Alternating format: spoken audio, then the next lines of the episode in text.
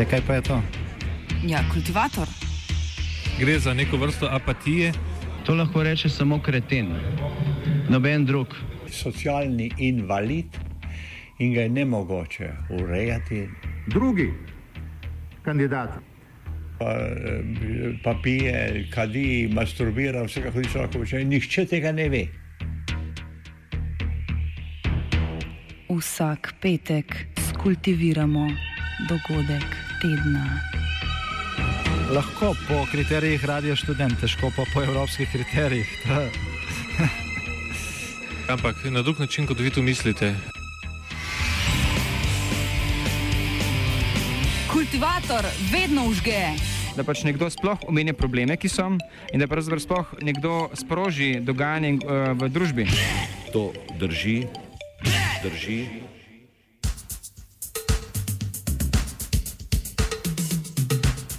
Azovsko jezero ali morje.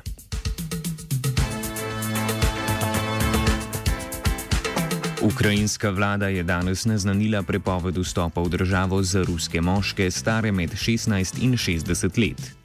Gre za zadnjega v nizu ukrepov, ki ga je ukrajinska vlada upeljala od incidenta prejšnjo nedeljo, ko so ruski obmejni stražarji v Črnem morju v bližini Krimskega polotoka zasegli tri ukrajinske vojaške ladje ter pridržali 24 mornarjev. Na predlog ukrajinskega predsednika Petra Porošenka je ukrajinska vlada v ponedeljek razglasila izredno stanje, ki naj bi veljalo naslednjih 30 dni v desetih regijah, ki mejijo na Rusijo ali Moldavijo, oziroma natančneje na strani Rusije priznano separatistično Pridnjestrsko republiko znotraj Moldavije. Na seznam regij v izrednih razmerah so bile prav tako uvrščene tiste s Črnomorsko obalo.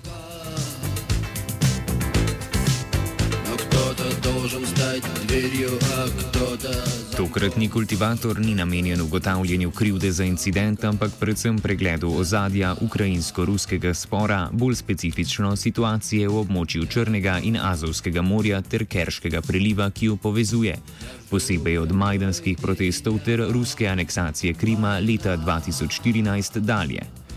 Na incident moramo gledati tudi v kontekstu ukrajinske politične situacije, saj je do njega prišlo le nekaj mesecev pred predsedniškimi volitvami, na katerih se Porošenko, sodeč po javnomnenjskih raziskavah, obeta poraz.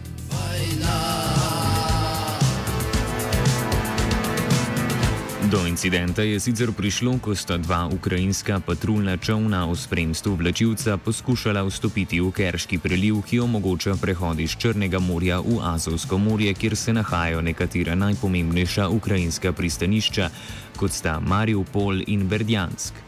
Ruska obmejna policija, ki jo nadzoruje Ruska federativna varnostna služba ali FSB, je na to sprožila postopke, kot bi jih v primeru, da ladje ne bi upoštevale navodil za varen prehod skozi preliv. Ladja ruske obalne straže je tako trčila v ukrajinski vlačilec, po nekaterih informacijah pa naj bi na ukrajinske ladje bilo sproženih tudi več strelov. Informacijo, da so ukrajinske ladje zasegli, so ruske oblasti kmalo potrdile, a so krivdo za incident pripisale domnevni ukrajinski provokaciji.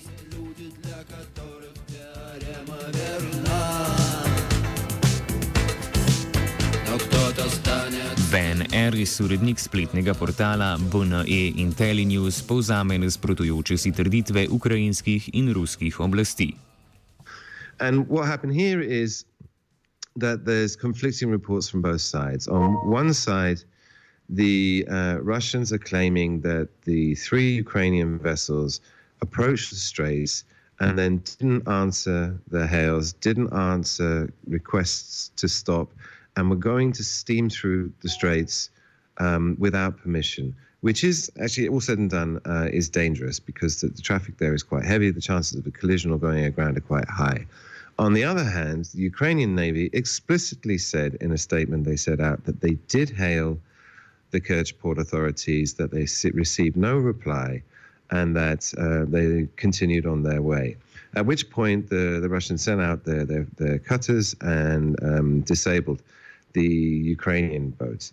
And actually, although there's there's plenty of video and, and audio that shows the actual collision and shows the Russians going there to disable the Ukrainian boats. that Russia doing that is not inconsistent with their story um, that the ships were going through without permission. It's actually what you would do if you thought someone was steaming through without permission because it's dangerous. You are, in that sense, entitled to to disable and stop those vessels. Um, although you know they, they rammed it, uh, the Ukraine and took it into custody, but there's also reports they fired on it, which seems a bit extreme. But again, theoretically, that's within the bounds of what you should be allowed to do. And unfortunately, none of the evidence, um, video, audio statements, clears up this question that both sides are claiming they held the other, and both sides are claiming the other side didn't answer. So someone is lying, and there's no way of telling who.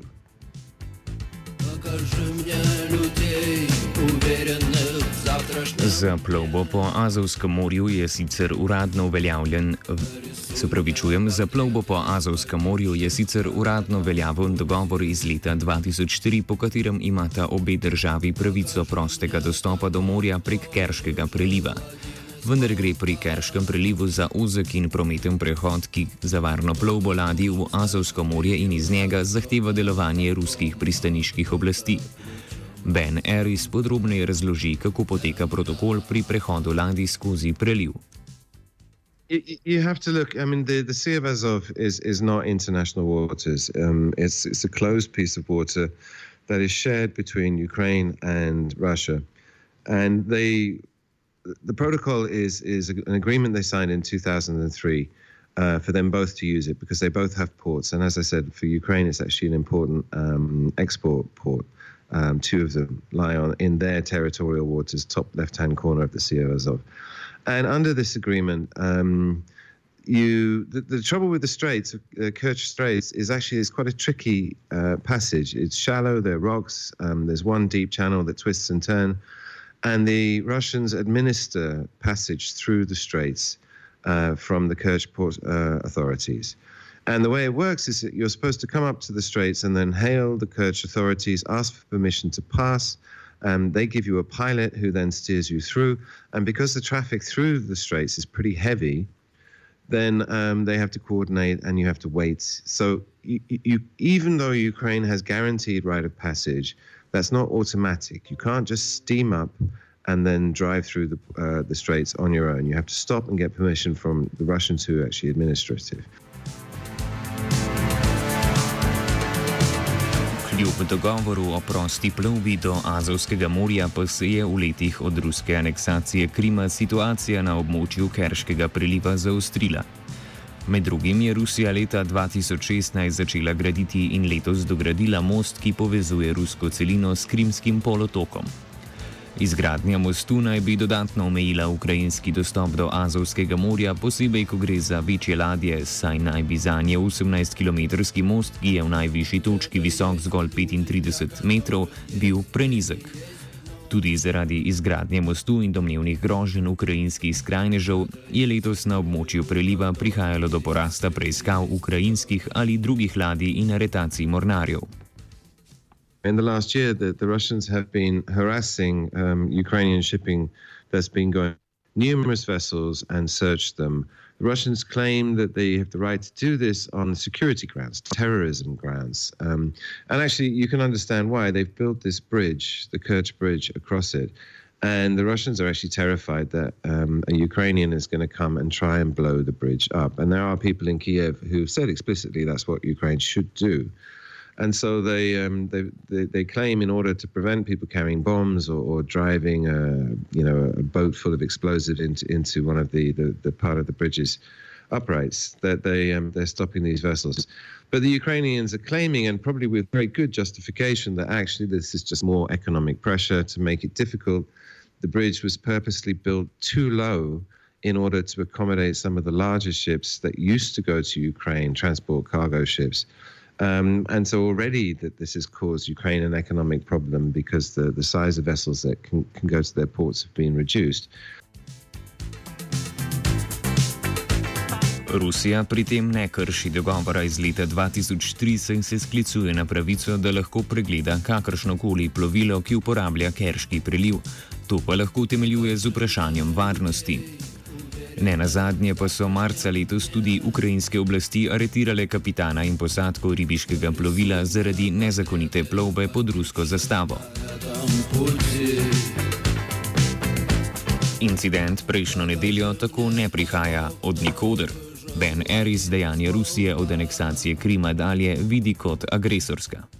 I, I, should make it clear that, that Russia is the aggressor here, that they did illegally annex the Crimea, took sovereign territory away from Ukraine. At the same time, they're fighting a proxy war in Donbass, backing the separatist rebels there. And indeed, we're certain that the Russian regular army is on the ground on Ukrainian sovereign ter- territory, including tanks, APCs, the whole nine yards. So Russia is, is guilty as charged in that respect. Z njim se strinja tudi Branko Soban, bivši zunanje politični dopisnik dela. Soban dejanje Rusije v območju Kerškega priliva vidi kot načrtno rusko politiko, katere namen je oslabiti ukrajinsko ekonomijo s tem, da ladjam preprečijo dostop do ukrajinskih pristanišč.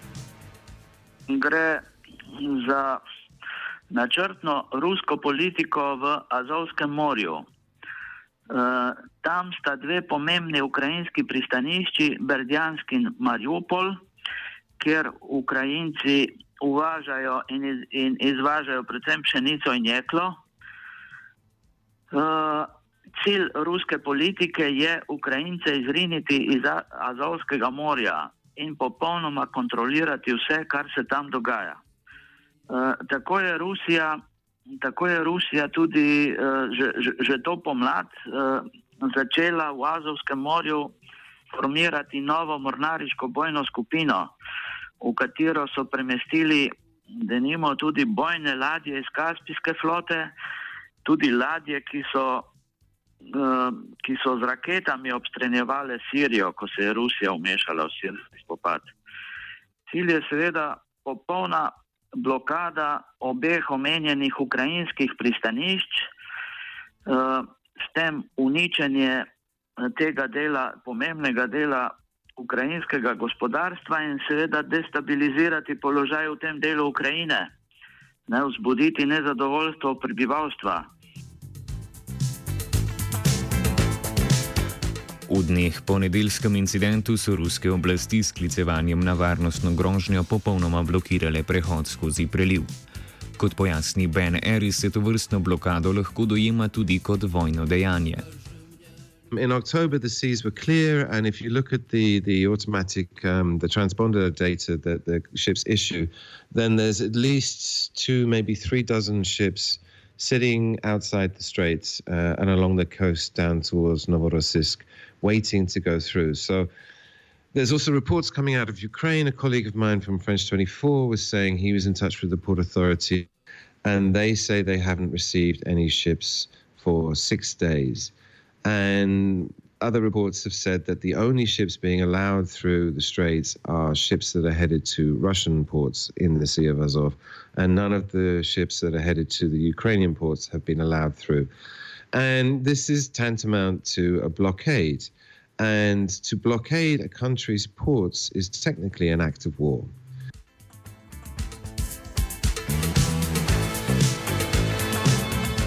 Predsednik Ukrajine Petro Porošenko je po incidentu sklical nujno sejo Sveta za nacionalno varnost, na kateri je pozval parlament, da glasuje v pridovedbe izrednega stanja.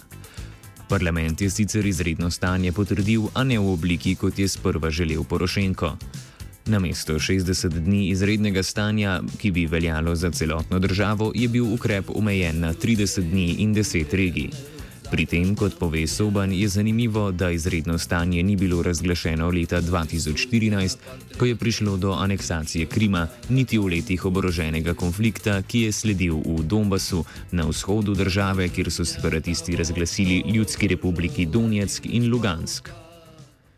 Se tukaj je en paradoks, eh, v bistvu Ukrajina ni razglasila vojnega stanja, kot se to temu zdaj uradno reče niti ob okupaciji Krima, niti ob ruskem, ob ruskem napadu na vzhod Ukrajine v Donbasu, se je pa odločila zdaj, ker uh, seveda, zakaj se je Porošenko tako odločil, ve samo on.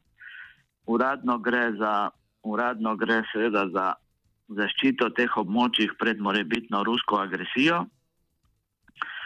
Gre pa tudi morda res za nekakšno, za nekakšno uh, predvolilno, predvolilno potezo, ki pa mu uh, verjetno uh, ne bo prinesla, če se, za, če se je za vojno ostanje odločil zaradi tega, mu zanesljivo ne bo prinesla višjega rejtinga, ker um, rejting njegov je slab in s takimi potezami, ki ljudem niso po volji, se rejting seveda ne bo popravil. Tako da jaz mislim, da bo Porošenko vojno stanje preklical tisti hip, ko bo Rusija uh, vrnila v Ukrajini zaplenjene ladje in zajete mornarje. Porošenko je vse skozi od začetka konflikta ustrajal, da ni potrebe po izrednem stanju, saj naj bi to negativno vplivalo na poslovno klino, klimo, hkrati pa še ogrozilo izplačila posojil mednarodnega denarnega sklada. Direktorica sklada Christine Lagarde je sicer kmalo po razglasitvi izrednega stanja zagotovila, da Ukrajincem ni treba skrbeti.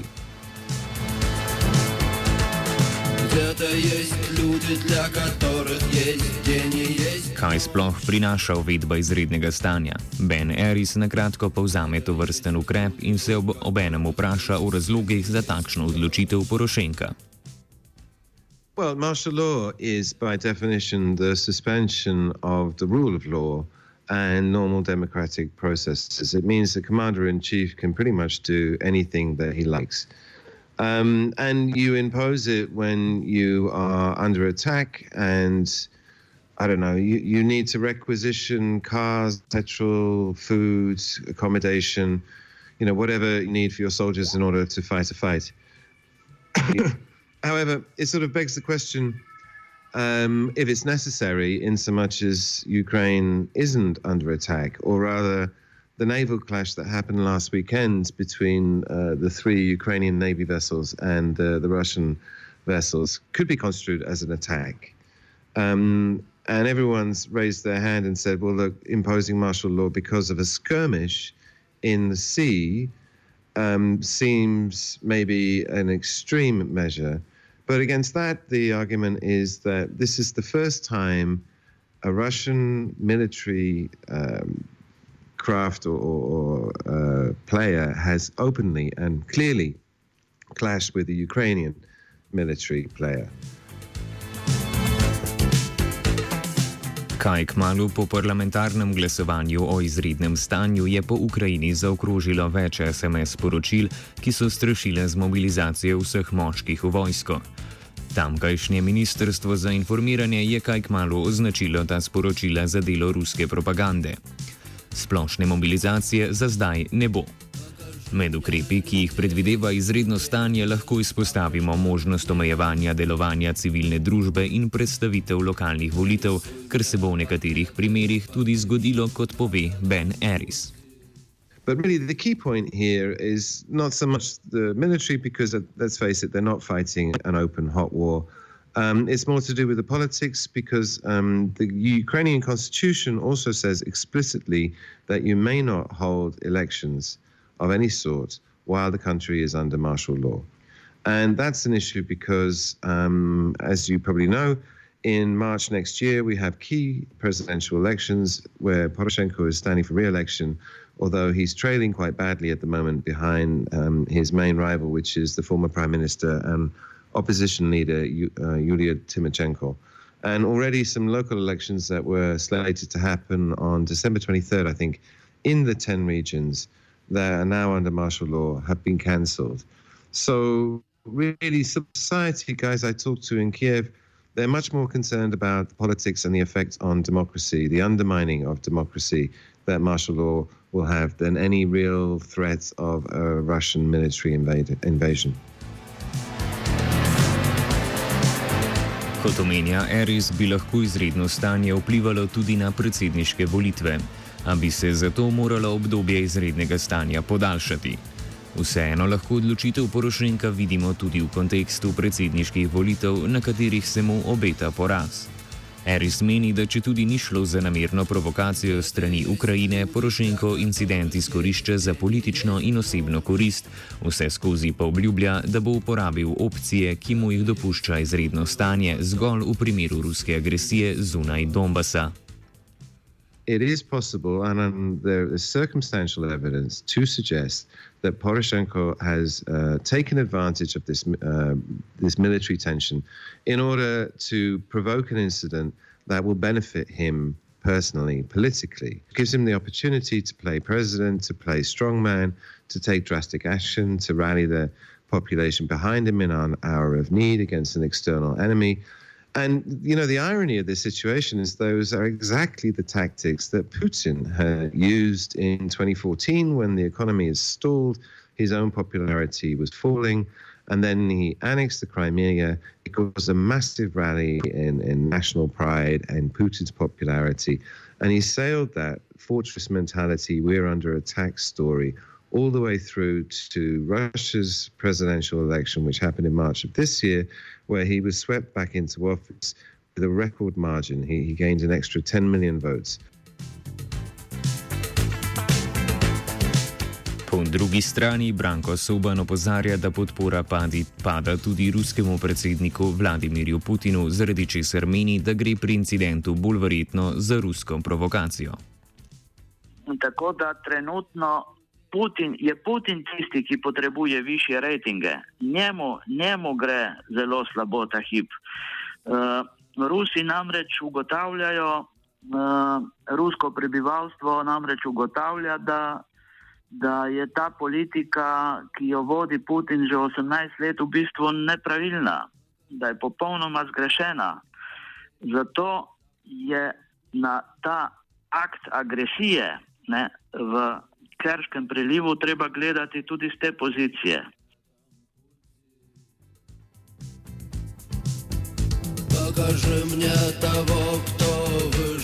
Pri vsem tem se poraja tudi vprašanje posledic, ki jih bo incident imel za ukrajinsko-ruski konflikt. Na vse zadnje še vedno traja zaostreno stanje v Ljudski republiki Donetsk in Ljudski republiki Lugansk ki sta v rokah proruskih separatistov. Ben Eris sicer meni, da Porošenko bistvenih sprememb med izrednim stanjem ne bo uvedel in da se ne bo posluževal povečevanja aktivnosti vojske v Donbasu.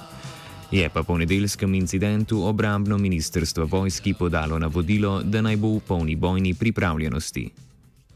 Well, Poroshenko's come out quite clearly to say that although he's imposed martial law, Um, and although he's claimed that Russia is massing troops on the border with, you know, on the land side um, of Ukraine, um, he said explicitly that he will not call for mass mobilization, conscription, which is one of the things you can do under martial law. And he's also not going to escalate or increase um, Ukrainian military activity in the Donbass. He's not going to commit new troops. He's not going to attack. Um, you know, things will remain as they are. So, in, in that sense, nothing's going to change. Um, which again makes me think this is partly political theatre because you've imposed martial law to deal with a non-specified threat that was there already, and you produce no evidence to show that there's a military buildup, and it all comes back down to this one skirmish as justification.